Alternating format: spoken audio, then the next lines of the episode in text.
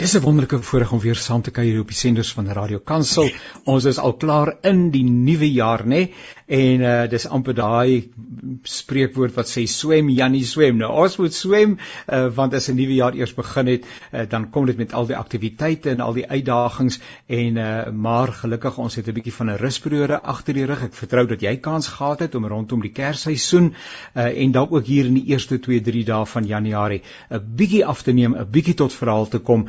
Uh maar as jy reeds aan die werk is, dan wens ons jou baie sterkte toe en die van julle wat aanstaans moet aanmeld, mag dit met jou sommer baie goed gaan. En mag weer 'n keer 2022 2022 mag dit 'n besondere jaar wees. Die afgelope 2 jaar was uitdagend en uh, ons weet nie altyd ons het met Covid het nie, maar gelukkig is dit nie al wat in ons lewens gebeur nie.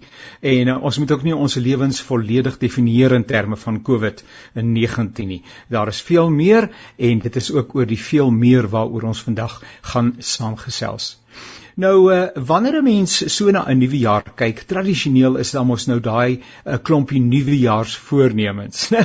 die meeste mense se nuwejaarsvoornemens, die de, uh, dek sommer in die hek, uh, duik in die hek hier binne die eerste paar dae. Ander mense is meer gedissiplineerd en hulle kry dit reg om dit uh, regtig ten uitvoer te bring. Deel daarvan is byvoorbeeld van nou af gaan ek gimnasium toe of ek gaan op 'n dieet wees of ek gaan voortaan baie boeke lees ensovoorts ensovoorts. Ek gaan gaaf wees met my man of my vrou. Dis wonderlik. Jy moet daaraan regtig vashou. Een van die voornemens wat ek dink baie van ons het, indien nie al Radio Kansel en Kaapse Kansel se luisteraars nie, is dat hierdie jaar 'n jaar van geestelike groei, 'n jaar van geestelike verdieping gaan wees.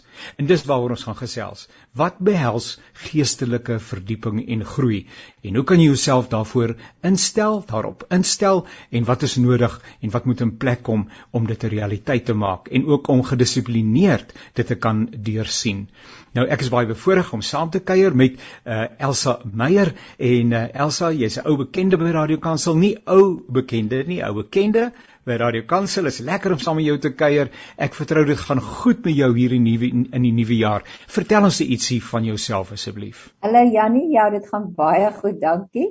Ek is uh, gelukkig en tevrede om bietjie in Suid-Afrika te kuier op die oomblik. Um, terwyl my man alleen in Saudi-Arabië sit maar ek kan by die kinders en die kleinkinders wees hier in Januarie. Geniet elke oomblik daarvan. Isak Burger is ewenigs 'n baie bekende hier by ons by Radio Kansel en natuurlik op baie ander plekke. Isak, dis lekker om in die nuwe jaar saam met jou te kuier. Vertel ons ietsie van jou eie konteks. Ja, Janie, dis ewenigs vir my voorreg om 'n bietjie weer saam te gesels. Uh nee, ek is nou al 'n hele paar jaar wat ek geëmeriteer is, maar uh, nie uit werk uit daarom nie.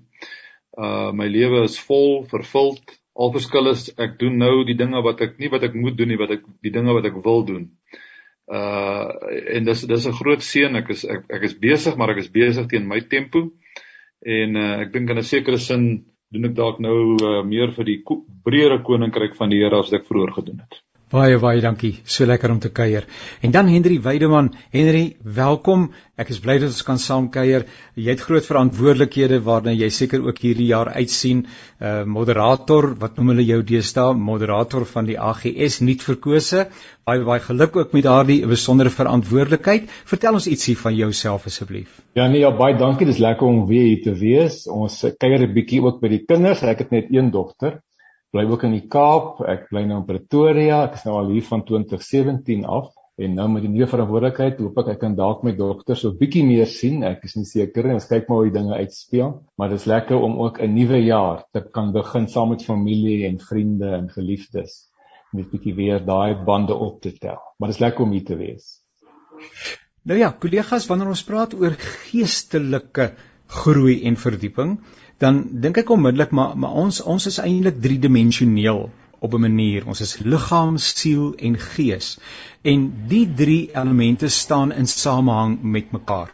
Uh, kan ons 'n bietjie gesels? Kom ons begin by Elsa. Eh, 'n uh, Paar insigte oor hierdie hele ehm um, uh, misterie van ehm um, van hierdie uh, samestelling van ons amper soos Vader, Seun en Heilige Gees het ons ook drie dele liggaam, siel en gees. Sal bly wees as jy bietjie vir ons uh, kan inlei. Baie dankie Jannie.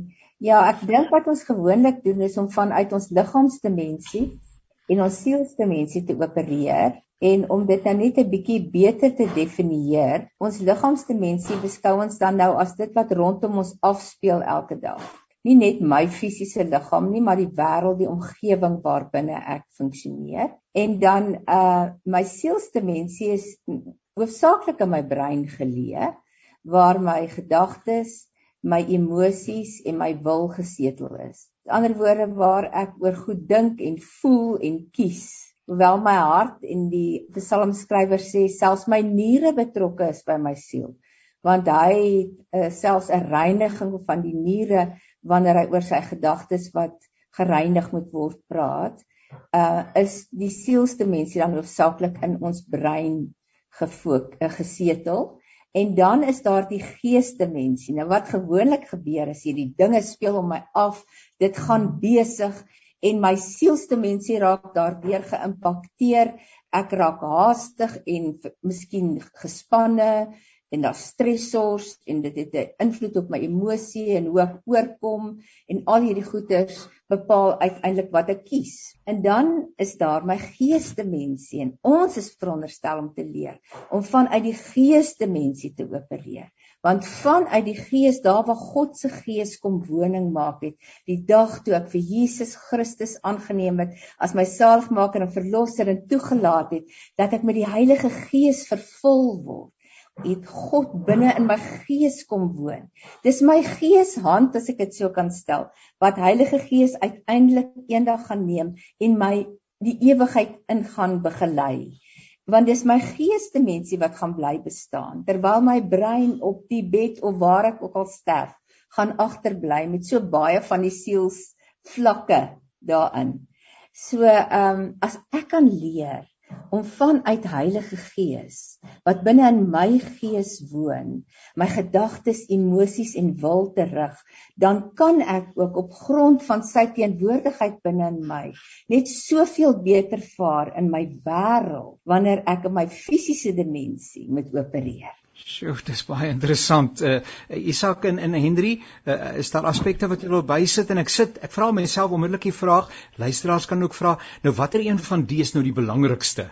So is uh is is my geestelike dimensie, is dit nou die belangrikste, so die liggaam en die siel en veral die liggaam is hy, hoe praat hulle baie keer hierdie is die donkie wat iets ronddra, nê, of iets van daardie aard as hulle verwys na die liggaamlike dimensie. So is is iets nou belangriker? Asseblief Isak. Ja, Jannie, uh jy weet die die ehm uh, Bybel soos wat Elsa net reg gesê het, maak onderskeid tussen die verskillende aspekte of dele van 'n mens se se lewe, jou liggaam, siel en gees. Alhoewel ons moet besef dat die woord siel um, op verskillende maniere verstaan kan word. Jy weet, uh, dit kom eintlik van die basiswoord beteken asem of lewe. So daar praat jy ook van selfs van diere wat 'n siel het wat 'n lewende asem wat hy dieselfde woord gebruik in die Hebreëus of in die Grieks uh en die ook die term siel en gees word partykeer wisselend gebruik wat wat hy eintlik verwys na die gees dan noem hy dit praat hy van siel.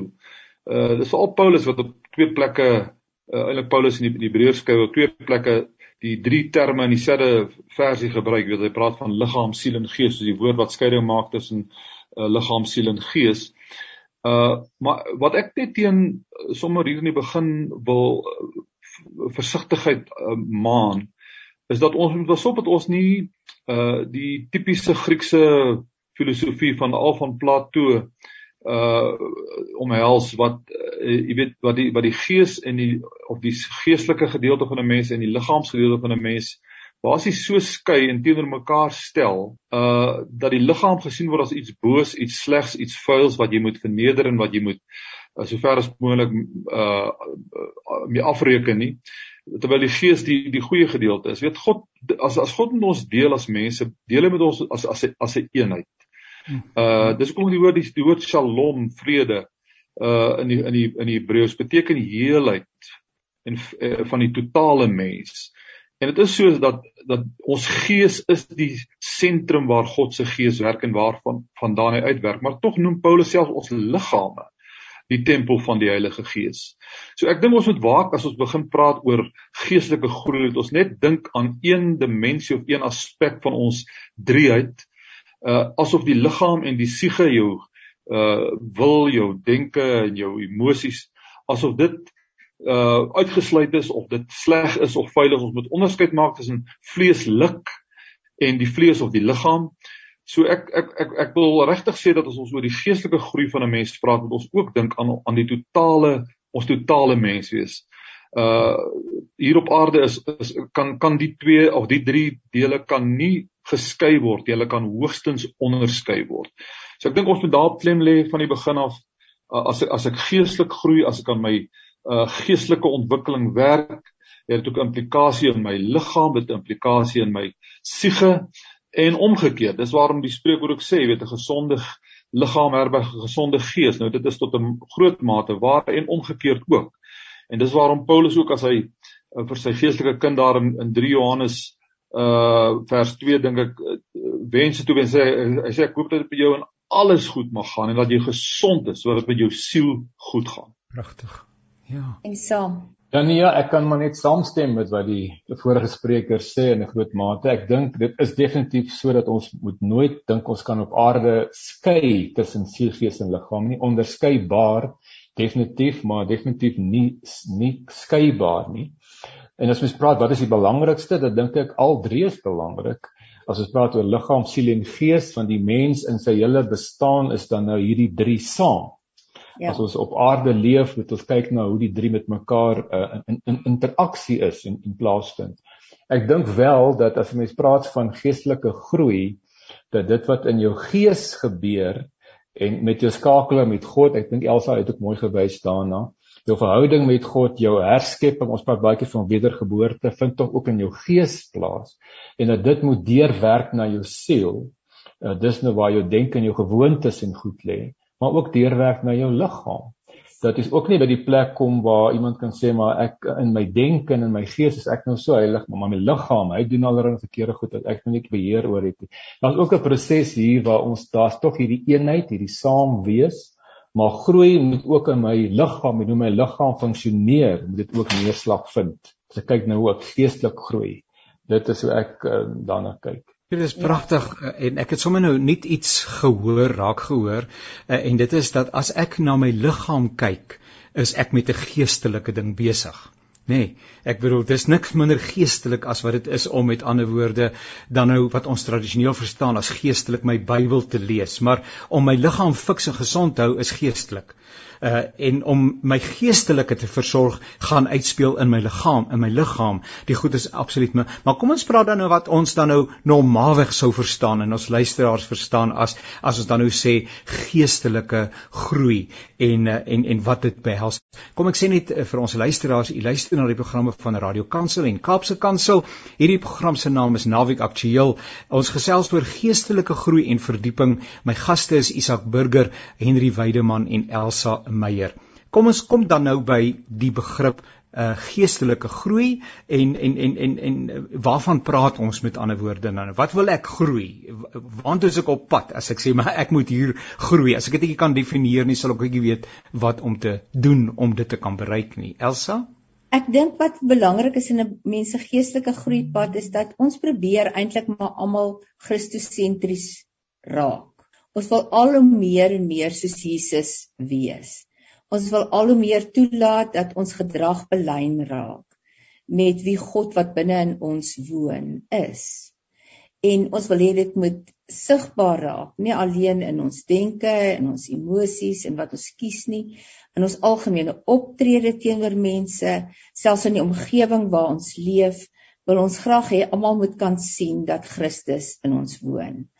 En na die mate waarin ons oorgee om al hoe meer Christus gesentreerd te opereer, begin ons ook outomaties geestelik groei want ons stap op 'n baie interessante pad waar ons miskien vooraf gedink het, okay, dit gaan nou baie glorieryk wees. Is dit inderwaarheid eintlik 'n pad waarin God ons leer neerlê? meer en meer van onsself en meer en meer van hom. Dis is in kort miskien 'n inleiding tot die gesprek oor geestelike groei. Ek is seker my twee mede ehm um, sprekers of uh deelnemers hier Isak en Henry gaan baie beter hierop kan uitbrei as ek. Ja, uh dankie Elsa. Jannie, ehm um, ek wil so bietjie 'n treukie terug gaan ek stem honderd saam wat Elsa gesê het. Maar ek dink as ons begin dink aan ons geestelike lewe, dink ons ten diepste in terme van van ons verhouding met God. Uh en dan moet ons die vraag vra, hoe het alles begin? Ek meen, ek het in die verlede dikwels oor die kwessie gedink, waarom het God die mens gemaak?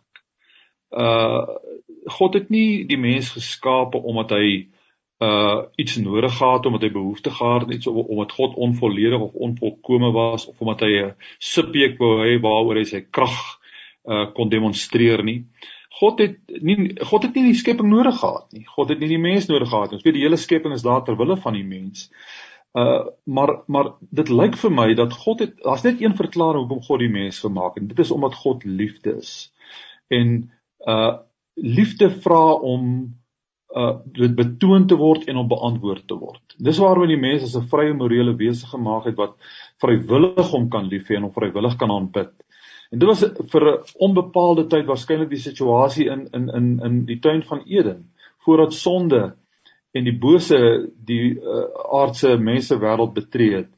Uh as jy na die bietjie inligting kyk wat wat wat Genesis vir ons gee, uh, oor oor die lewe in die paradys. Jy weet dat, dat hy sê dat God het met hulle op die aand windjie met hulle kom wandel.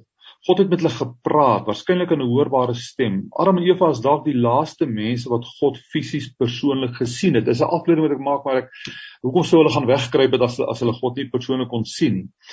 Uh so die die diepste wese van van van jou geestelike lewe en waar jy dit selfs kan meet, is gaan is gebaseer op die kwessie van jou verhouding met God en 'n liefdesverhouding, nie 'n vreesverhouding nie.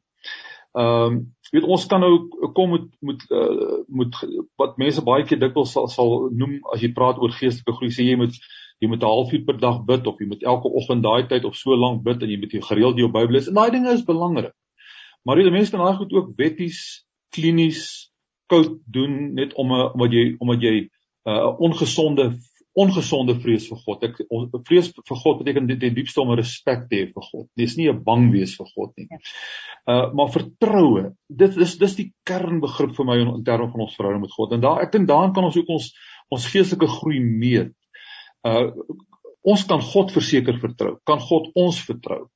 Uh hoe is ons verhouding? Is dit gebaseer op liefde? Uh groei ek nou dit is hoekom God my gemaak het. Dis hoekom God ons gemaak het, is omdat hy liefde het liefde is, liefde wil betoon en ook in 'n wederwysige verhouding staan van liefde. So verhouding verhouding is die ek dink die essensie, die kardinale. En daaruit spruit ander dinge voor. As ek 'n verhouding met God het, as ek lief is vir God of vir wie ook al, dan wil ek graag by daai persoon wees. Dan wil ek graag bid. Dan wil ek graag Bybel lees. Dan is dit 'n spontane uitvloei. Dis nie 'n wettiese nakoming van sekere reëls nie. 'n Verhouding roep daarna. 'n Verhouding soek dit as jy in 'n liefdesverhouding staan met God. Ja. En ja, ek kan net dit, dit as ondersteun. Ek kan net daarop voortgaan en sê ja, ek dink dat dit gaan uiteraard oor 'n verhouding met God. My groei geestelik gaan oor my verhouding. En ek dink ook vir ons as Christene gaan dit oor disippelskap, wat dan ook gaan oor verhouding. Maar dat dit nie gaan dat ek 'n uh, uh, probeer um, God tevrede stel omdat ek nou wil sê ons is die gode van die antieke tyd. Ek nou hierdie God vrede bring dat hy my kan goed behandel dit is nie waaroor dit gaan nie, dit gaan nie oor 'n verhouding met God as 'n navolger van Christus, 'n disipel van Jesus. En dat ek dit nie resepmatig probeer doen nie, maar dit juis uit verhouding probeer doen. Maar dink die die die groot klem vir my moet wees dat dit gaan nie net oor ek is 'n bewonderaar van Jesus, uh, die Engelse term ek is 'n fan van Jesus nie, maar ek is werklik 'n navolger van Jesus. Ja. En my strewe is om soos Jesus te word in in my in my groei en ek dink daai is vir my die die fokus van hoe ek geestelik wil groei. Ek kyk na Jesus, uh, ek volg hom na, ek is in verhouding met hom. Ek probeer nie hom met 'n resepie tevrede stel nie. Ek probeer juis uit liefde en verhouding met hom groei om nader en meer soos hy te word. Ja nee, as ek net hier kan aanvul beide by Henry of nie aanvul nie, aansluit by hulle by Henry en Elsa. Ek dink uh gegee word die feit dat uh, jy weet dat dat God ons geskaap het ter wille van verhouding om in verhouding te staan besef ons ook dat uh erns en ons weet nie hoe lank dit gebeur het na die skepping van die mense het die sonde die die arena betree uh en die gebrokenheid wat daarop gevolg het en dat die hele res van die Ou Testament ons die die mensdom voorberei vir die koms van die Messias. En in Jesus Christus, soos wat tereg nou geïmpliseer is deur my twee kollegas, in Jesus Christus is daar tot 'n groot mate die is die moontlikheid herstel dat ons weer met God kan wandel. Dis waarom jy weet uh Jesus in een van sy name word genoem Immanuel uh daardie God met ons wat Adam en Eva miskien in in, in 'n volkomme mate ervaar en wat ons in die hemel uiteindelik weer sal ervaar wanneer ons God sal sien sy is. Maar Christus het vir ons Immanuel kom moontlik maak. Uh dat ons God se nabyheid kan belewe, sy werk kan belewe en in in, in selfs na sy hemelvaart het hy gesê ek laat julle die Heilige Gees na wat wat daardie verhouding met God verinnig. So ek dink dis dit is baie baie waar dat ons kan nie oor in in hierdie gebroke dispensasie waarin ons lewe na die sondeval kan ons nie van verhouding met God praat buite Jesus Christus om nie. Jesus Christus maak die verhouding moontlik. Uh en wie hom gesien het, het die Vader gesien en deur hom kom ons tot die Vader. So ek dink uh, in ons dispensasie tot by die wederkoms wanneer ons God, die Vader, Seun, Heilige Gees persoonlik sal sien in 'n ander dimensie uh, is Jesus Christus die kern uh van ons as ons praat oor oor oor oor ons geestelike groei of ons ja. verhouding met God. Nou ek leef uh, as ek dit nou so grafies kan sê, ek leef met my vrou anders saam as wat Isak met sy vrou saamleef of Henry of Elsa met haar man saamleef. Ehm um, die verhouding is uniek. Daar's 'n manier waarop ons met mekaar omgaan wat vir ander mense kan dalk baie keer sê, "Sjoe, maar Jannie, sê maar byvoorbeeld, Jannie is aan kwaai met Suzette." Maar binne ons verhouding is dit die manier waarop ons 'n uh, baie goeie verhouding wat ek probeer sê is, ehm um, ons kan nie help my daarmee mekaar se verhouding met die Here beoordeel en sê nee maar jy is jy kan nie naby aan die Here wees nie. Nou natuurlik is die vrug nie daar is nie, dan kan 'n mens sekerlik vra vra en ons moet mekaar ook ondersteun. Ek noem 'n voorbeeld ehm um, uh en ek is geneig om minderwaardig te voel wanneer dit kom in my verhouding met die Here en ek sal vir julle sê hoekom. Selfs wanneer ek na julle luister ek sê dikwels so so so sê sjoe daai mense het dan 'n pragtige en 'n diep verhouding met die Here. Ek weet nie of ek eers daar naby kan kom nie. Hier in ons gemeenskap het iemand 'n verskriklike traumatiese ervaring gehad en ek gaan dit nie eers noem nie want uh dit het eintlik in hele Suid-Afrika geresoneer. Uh en en so daarom gaan ek nie meer as dit sê nie. En ehm um, toe verneem ek na die begrafnis en uh, wat daar gebeur het en toe hoor ek maar die mamma, die ma, uh die gesin ehm um, het besluit hulle gaan nou in 'n 40 dae vas na hierdie trauma. Ehm um, en onmiddellik sê ek, "Sjoe, ek, ek dink nie ek sou dit kon doen nie. Uh, ek weet nie of ek dit sou kon ek julle hoor wat ek probeer sê is hoe hoe help ons mekaar om te sê maar my verhouding met die Here lyk anders as jou verhouding met die Here. Maar maar hy's vir ons almal lief. Elsa, jy hoor wat ek sê? Jy het natuurlik so 'n probleem dat jy voel jy kom nie by nie, nee Elsa. ek voel baie keer so Jannie. En ehm um, veral in in in 'n tyd soos um hierdie wat ons nou in die buiteland bly in die Midde-Ooste en um daar nie baie invloed is van buite tensy ek nou 'n video sou kyk op 'n uh, YouTube of so dat ek geestelik opgebou word noodwendig nie. Um dis my rol om um mense hier aan die Here te help vasbind en in verhouding met die Here te help ondersteun. Ehm um, maar daar's nie noodwendig ehm um, geleenthede waar ek nou kan gaan sit en ontvang nie. En dan besef ek net weer hoe afhanklik ons eintlik daarvan is om die heeltyd in 'n baie naby verhouding met Jesus te leef. Daai een tot een verhouding met hom waar ek nie toelaat dat sê nou maar ek het nou my programmetjie van Bybelstudie en my uh, boodskapies wat nou met uitgaan vir die week en en en en en 'n erediens voorbereiding en al daai goed neem die plek in van verhouding met Jesus nie van met met God nie want die oomblik wanneer dit gebeur wanneer ek so besig raak met die woord en met die boodskap en met die opdrag en met die missie van die koninkryk maar ek in die proses ophou om heeltyd saam met die koning te wandel heeltyd saam met o, my tyd met hom uh, raak verwaarloos dis dan wanneer ons agterkom dat ja, dit is amazing om alles oor hom te weet. Maar is nog beter om hom so naby te ken en dan moet ons elke keer weer halt roep en sê um ja, uh dis nodig om om net tyd aan sy voete deur te bring. So Jannie, ja, ek voel ook maar soos jy baie keer ehm um, dat ek ehm um, weer met halt roep en weer aan die voete van die Here moet gaan sit en opnuut moet luister. Maar verseker stem ek ook met jou saam dat elkeen op 'n baie unieke manier in sy haar verhouding met die Here wandel. As ek luister na die uh, vrymoedigheid waarmee mense in die Midde-Ooste oor Jesus gesels sonder vrees terwyl dit nie eintlik in die openbaar toegelaat word nie dan dink ek, "Wow, jy het so baie waagmoed en daar's geen vrees by jou nie." Dis baie duidelik dat jou verhouding met die Here besonder is.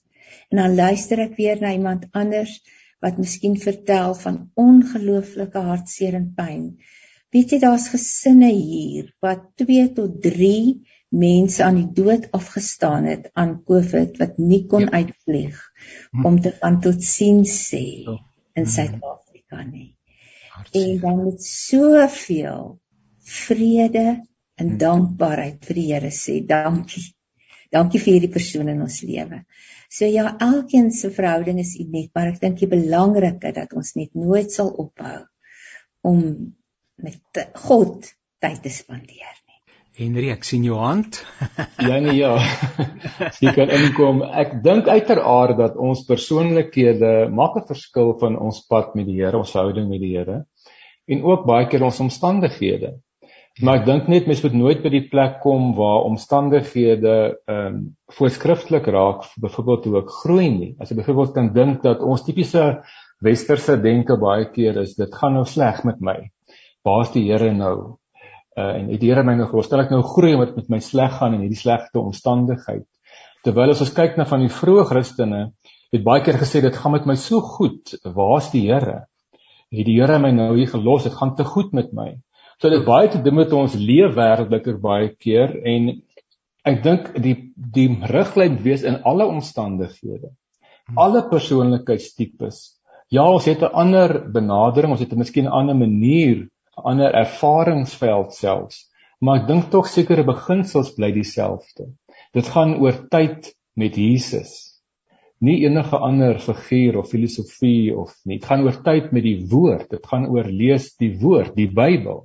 Nie een of ander mooi boek nie. Dit gaan hier oor groei as Christen geestelik. Dit gaan oor gebed waar ek op my eie manier bid, maar ek is in gesprek met God. En ek dink daai is kernelemente wat tog riglyne moet wees in hoe ek geestelik groei in omstandighede wat dit ook al mag wees goed of sleg in my persepsie. En gegee my bepaalde persoonlikheid. Maar daai riglyne bly daar. Is God se woord dis Jesus dis gebed dankie Jan ja, nee ek sou ook graag net daar wil op wil inkom uh ek ek stem 100% saam met jou opmerking dat uh, weet 'n mens Eh, kan nie een persoon se geestelike groei of geestelike pad of geestelike ervaring soort van 'n standaard maak vir almal nie.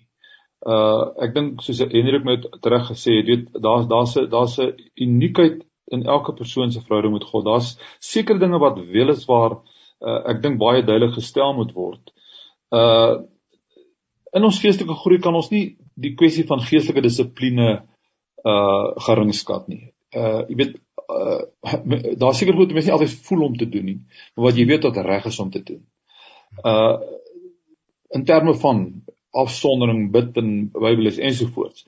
Maar 'n mens kan nie 'n soort van 'n 'n standaard patroon daar stel en sê dis die 5 punte wat jy moet volg uh om om nou om nou geestelik te groei nie.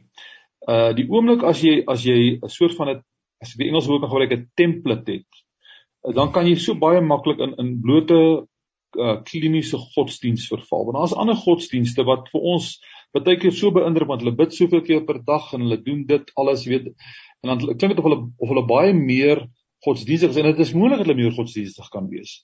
Maar maar jy ja is nie daar's nie 'n vaste template wat 'n Christen moet volg uh van punt 1 tot punt soveel om te kan sê ek groei geestelik nie. Uh dan wil ek ook dit sê daar's twee ander elemente wat vir my kardinaal is wanneer ons praat oor 'n mens se geestelike groei. Al is daar 'n uniekheid in ons verhouding met God, maar die een is egtheid. Ek dink vir my is is is is die kwessie van egtheid in ons verhouding met God en in ons Christelike lewe, trouens in ons hele lewe, is vir my 'n ononderhandelbare. Ek weet die Fariseërs het hierdie template gehad van wat hulle Jesus kon sê ek vas twee keer 'n week en ek gee my tiendes van dit en ek doen dit en ek gaan tempel doen en alles en en en, en Jesus het het het, het nie daarvoor op afgeslaan. Ek weet dit was baie weer oor die tollenaar se onkonvensionele gebed om sy bors te slaan, sy wees my arme sondaar genadig.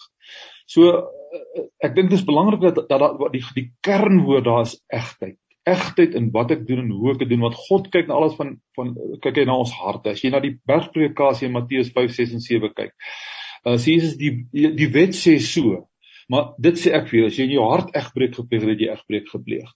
En dan die ander ding wat ek dink miskien die heel belangrikste is in terme van ons verhouding in elkeen se individuele verhouding met God is uh wat watter rol speel liefde? Uh in Jesus se laaste vraag, drie vrae voordat hy hemel toe gegaan het aan Petrus wat hom erg gefaal het was nie dit was amper soos 'n soos 'n kuratorium wat nou toekomstige predikantskandidaate moes ondervra voordat hulle nou die wêreld wêreld sou ingaan. Het hy het, hy, hy kom vir Petrus, sal jy beloof om gereeld te bid? Sal jy beloof om om nie weer die die, die kindertjies van my af te keer nie? Sal jy beloof om uh aan die armes te gee? Uh maar hy vra hom net een vraag drie keer. Het jy my waarlik lief? En ek dink dit is dit is die die die die die maatstaf wat ons volgens God meet. En God het sy eie skaal, sy eie maatinstrument, meetinstrument waarmee ons liefde kan meet. Dit kan jy nie fyns nie. Want God ken ons harte. Dis hoekom Petrus se laaste respons op die laaste keer toe hy hom vra, het hy met gesê Here, U weet alles. Uh U weet dat ek U liefhet. So ek dink dis dis vir my 'n kernbegrip, die kwessie van ons liefde vir God en hoe dit gedemonstreer word in ons lewe. En ek dink Elsa het heel aan die begin al reeds daarna verwys. Uh my my my my ideaal waarna ek streef is die karakter van God wat deur Jesus Christus aan ons openbaar want Jesus sê wie my gesien het, het die Vader gesien. En ek dink belangriker as enigiets wat ons vir die Here doen. Belangriker as as ons uitreik na die verlore wêreld, hoe belangrik is wat dit is, is dat die karakter van God meer en meer in my lewe gestalte moet aanneem en daai karakter word openbaar deur Jesus Christus en dit is vir my baie baie duidelik in die Nuwe Testament uitgebeeld. Jy luister na die programme van Radio Kansel. Hierdie program se naam is 'n uh, naweek aktueel. Ons gesels oor geestelike verdieping, geestelike groei. Deelnemers aan hierdie program is Isak Burger, Elsa Meyer en Henry Weideman. Nou, ek gaan nou vir julle so vra. Ehm um, uh, uh, iemand vra nou hipoteties. Elsa, wat moet ek doen om geestelik te groei?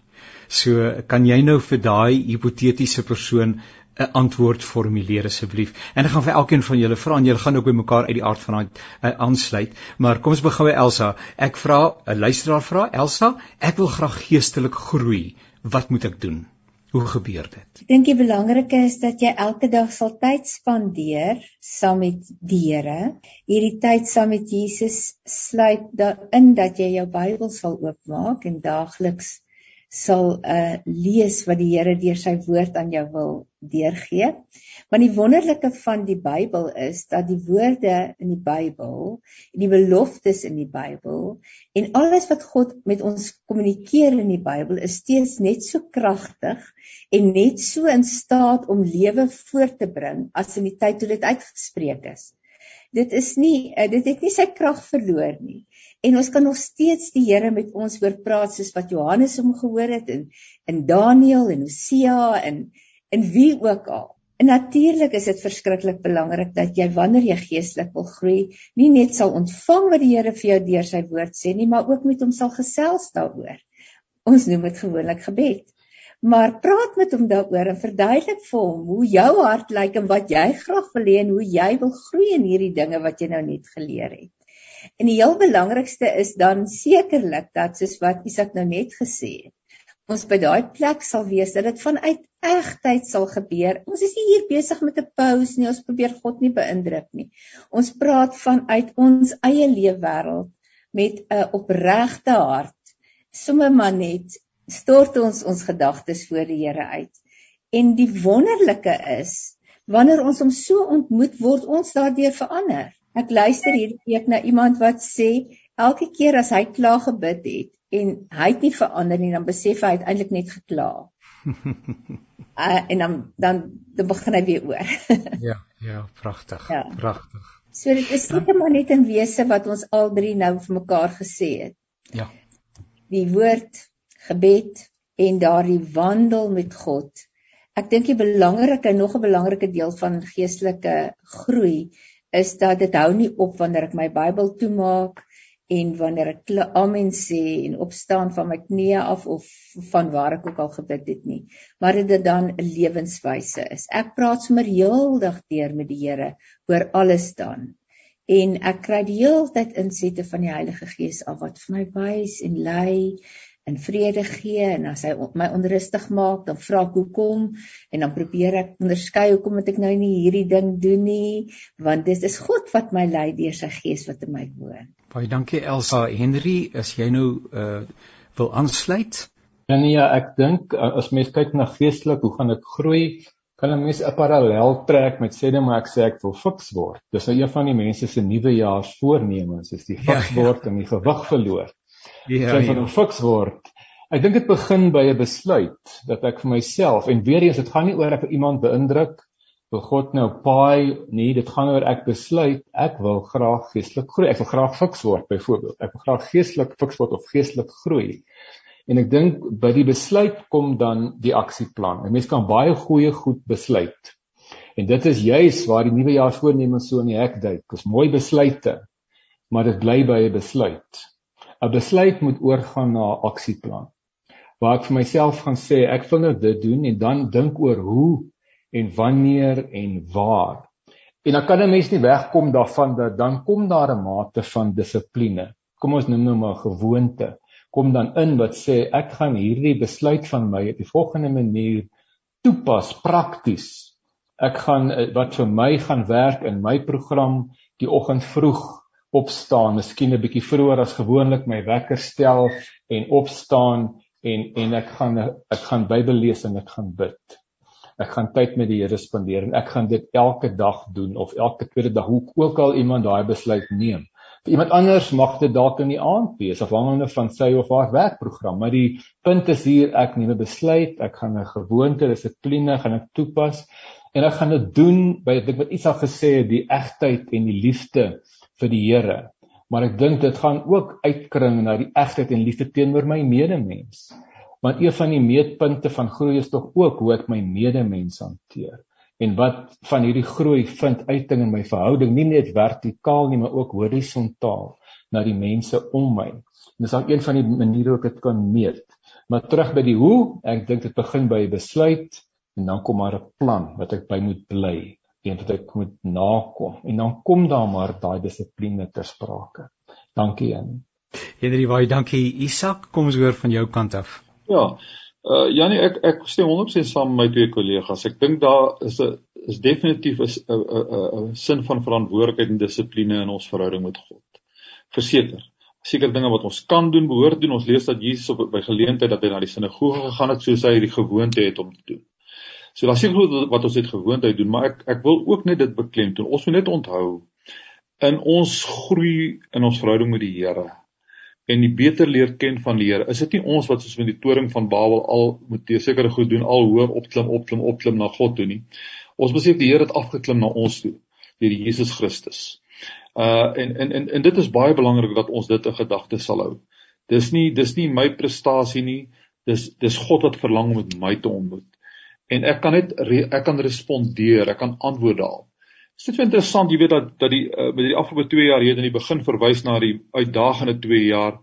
Uh ek dink vir die meeste mense, meeste van ons was dit 'n baie moeilike jaar, maar ek het ek het meer gelowiges gekry wat na hierdie tyd, na Covid, na hulle baie siek was, na hulle geliefde verloor het, na hulle uh finansiëel skade gely het, wat gesê het dat hulle verhouding met God het gegroei in hierdie moeilike ja. tyd in plaas van dat dit dat dit versleg het. So ook deur ons woestyne en ons wintertye en ons storms. Uh, hierdie hierdie dinge kan uh, dien baie keer om ons net meer ons afhanklikheid en ons broosheid voor God te besef. Uh so ek ek ek ek wil net daarop klem lê dit is nie weet as ek nou ek dink nou skielik aan aan aan aan aan twee gevalle in die Bybel waar waar twee persone 'n droom gehad het of 'n visioen gehad het. Uh weet Jakob by Bethel wat wat die leer gesien het tussen die hemel en en die aarde. En dan sê en hy het gesien engele wat afklim en dan opklim. En dan kry jy vir uh in in in Johannes uh, is dit nou Johannes uh, hoofstuk 2 uh waar uh een van die Jesus se latere disippels uh, onder die boom gestaan en gesê het jy weet uh, oor die vyfboom gestaan en in in in in skepties was dat daar iets goed uit Nasaret kan kom. Sê die Here vir hom ek het ek het jou gesien waar hy staan maar jy gaan meer as dit jy gaan sien uh, uh, uh, uh, uh, uh, engele wat afklim en opklim. Elke keer altyd die die die die, die beelde was daar engele wat elke keer sê eers dat dit afgeklim en dan opgeklim. Asof God wil sê verhouding met my is begin van 'n afklim van bo af 'n uitreik van bo af. Uh dis nie ons wat so hard soek nie, as ons so hard probeer nie, as God wat uitgereik het. As ek na God kom, as ek nou op my knieë gaan gaan bid, moet ek weet God wag vir my. Daar's 'n God van liefde. Ek hoef hom nie om te koop, ek hoef nie om af te pers, ek hoef hom nie dat hy hoef nie te staak nie. God is nie van my afhanklik. Hy, hy hy ek is van hom afhanklik en en en hy wil meer met graag met my ontmoet as wat ek ooit kan dink om met hom te ontmoet. Nou ek gaan vir julle 'n laaste vraagie elk vra. Uh 2 minute uh vir elkeen om te reageer en vir die 5 sekondes wat jy nodig het vir voorbereiding, uh gaan ek vir Elsa vra. Uh as iemand sê ek is tans in 'n woestyntyd uh, God voel vir my ver. Ehm um, wat sou jy vir so 'n persoon sê en aanbeveel? Vir Henry gaan ek vra, dit hou verband, maar die afgelope 2 jaar was nie maklik nie. En daar kan iemand wees wat sê ja, geestelike groei is een ding, maar ek en die Here is nie op 'n goeie plek nie. En ek het eintlik 'n klomp verwyte uh, teenoor God. Ek is vir hom kwaad. Ek verstaan hom nie en ek voel uh, dat hy nie regverdig uh, teenoor my opgetree het nie. So vanuit 'n kwaad uh vertrekpunt en dan gaan vir vir vir Isak vra en julle elkeen in 2 minute en vir Isak sê uh, natuurlik 'n ander interessante ding is uh, ek is in my stilte tyd en toe sê die Here vir my uh die Here het vir my gesê uh nou daai tamaletjie van wanneer het die Here gesê en wanneer het hy nie gesê nie as jy so in 2 minute ietsie kan sê. So Elsa kom ek begin by jou. Iemand wat sê Elsa, dis nou alles goed en wel, maar ek is ek is in 'n woestyntyd in my eie verhouding met die Here. Woestyntye is gewoonlik tye waarin ons treur of waarin ons afgesny voel van bepaalde vreugdebronne of van die bekende of waarin ons skielik radikaal verskuif word na plekke wat ons nie verwag het nie of ehm um, ander traumatiese gebeure wat daartoe aanleiding gee dat 'n mens voel jy's in 'n woestyntyd. Wat ek agtergekom het is dat dit het nie saak gemaak in my lewe tot nou toe waarheen die Here my ook al geskuif het nie. Wat ook al met my gebeur het nie. Hy het altyd alreeds daar gewaag waar ek my volgende bevind het. En ek kon elke keer maar net soos 'n dogter of 'n dogtertjie haar hand in haar vader en haar pa se hand sit. My hand in God se hand sit En dan partymal dan sê ek vir hom die pad is regtig lank en hier's baie sand. En ek sien nog niks nie, maar die feit dat ek langs hom loop of dat ek saam met hom is en sommer maar net die warmte van sy teenwoordigheid te alle tye kan ervaar en sy liefde kan beleef. En um sommer net weet dat hy vat my nêrens heen waar hy nie ook vir my voorsien en vir my gee wat ek nodig het nie. Maak dat ek kan aanhou stap. En as ek regtig baie moeg voel, dan tel hy my op. Dan hou hy my vas. En partymal dan kom ons by die oase in die woestyn. En dit is 'n wonderlike plek. Dit is tyd waar hy kom en vir my vars water gee en my net weer opnuut laat besef hoe groot hy is. En dat hy nooit my sal laat omkom van dors nie. Ook nie in die woestyn nie. Elsa Meyer, baie baie dankie vir jou deelname. Henry, 2 minute. Ek is kwaad vir God hipoteties nou, nê? Iemand sê ek is nie met hom op 'n goeie plek nie. Trouwens, ek voel nie so vriendelik teenoor hom op die oomblik nie. Ja nee, ja, ek dink jy van die kern antwoorde hier so uit ons al reeds ook vir mekaar vroeër gesê gaan rondom egtheid. En ek dink 'n belangrike aspek van groei is juis om eg te wees en ook eg te kan sê vir die Here, dit is hoe ek tans voel. Dis wat ek tans beleef hoe ook al of wat ook al die oorsaak of die rede daarvoor is. En as mens gaan kyk, ek sê vir so iemand sê gaan lees 'n bietjie weer die psalms. Want daar gaan jy sien hoe dat Dawid self en van die ander psalmskrywers dikwels sê as dit ware vir God verwyd vir sekere goed. Dit sê Here, waar is U? Hoekom laat U my nou so alleen? Hoe lank gaan dit nog met my gebeur? Hoekom gebeur hierdie met my? Gaan lees 'n bietjie weer die Psalm en sien ook hoe dat die skrywers in alle egtheid hulle hart voor die Here uitdruk, hulle hulle gevoel verbaliseer. En dan op die einde baie keer van daardie gesprek en daardie bepeinsing dan ook maar weer ervaar, maar die Here is hier by my. En God word nie beperk of verander deur omstandighede nie. Ons ervaring van die sogenaamde goeie of die slegte maak God nie minder goed of minder sleg nie. Teendeel sy woord sê hy sal ons nooit begewe, nooit verlaat nie. Sy woord sê hy wil vir ons die beste. Hy's daar vir ons vir die goeie en wat ook al ons dit mag as ervaar. So in die moeilike omstandighede, die kwaad wees vir God, verbaliseer dit. Sê dit eerlik vir die Here in alle egtheid, maar luister ook na wat hy sê. Kom by 'n plek na jy nou klaar gekla het en raak stil. Daai vers wat sê wees stil en weet. En hoor wat sê die Here, want hy gaan iets sê.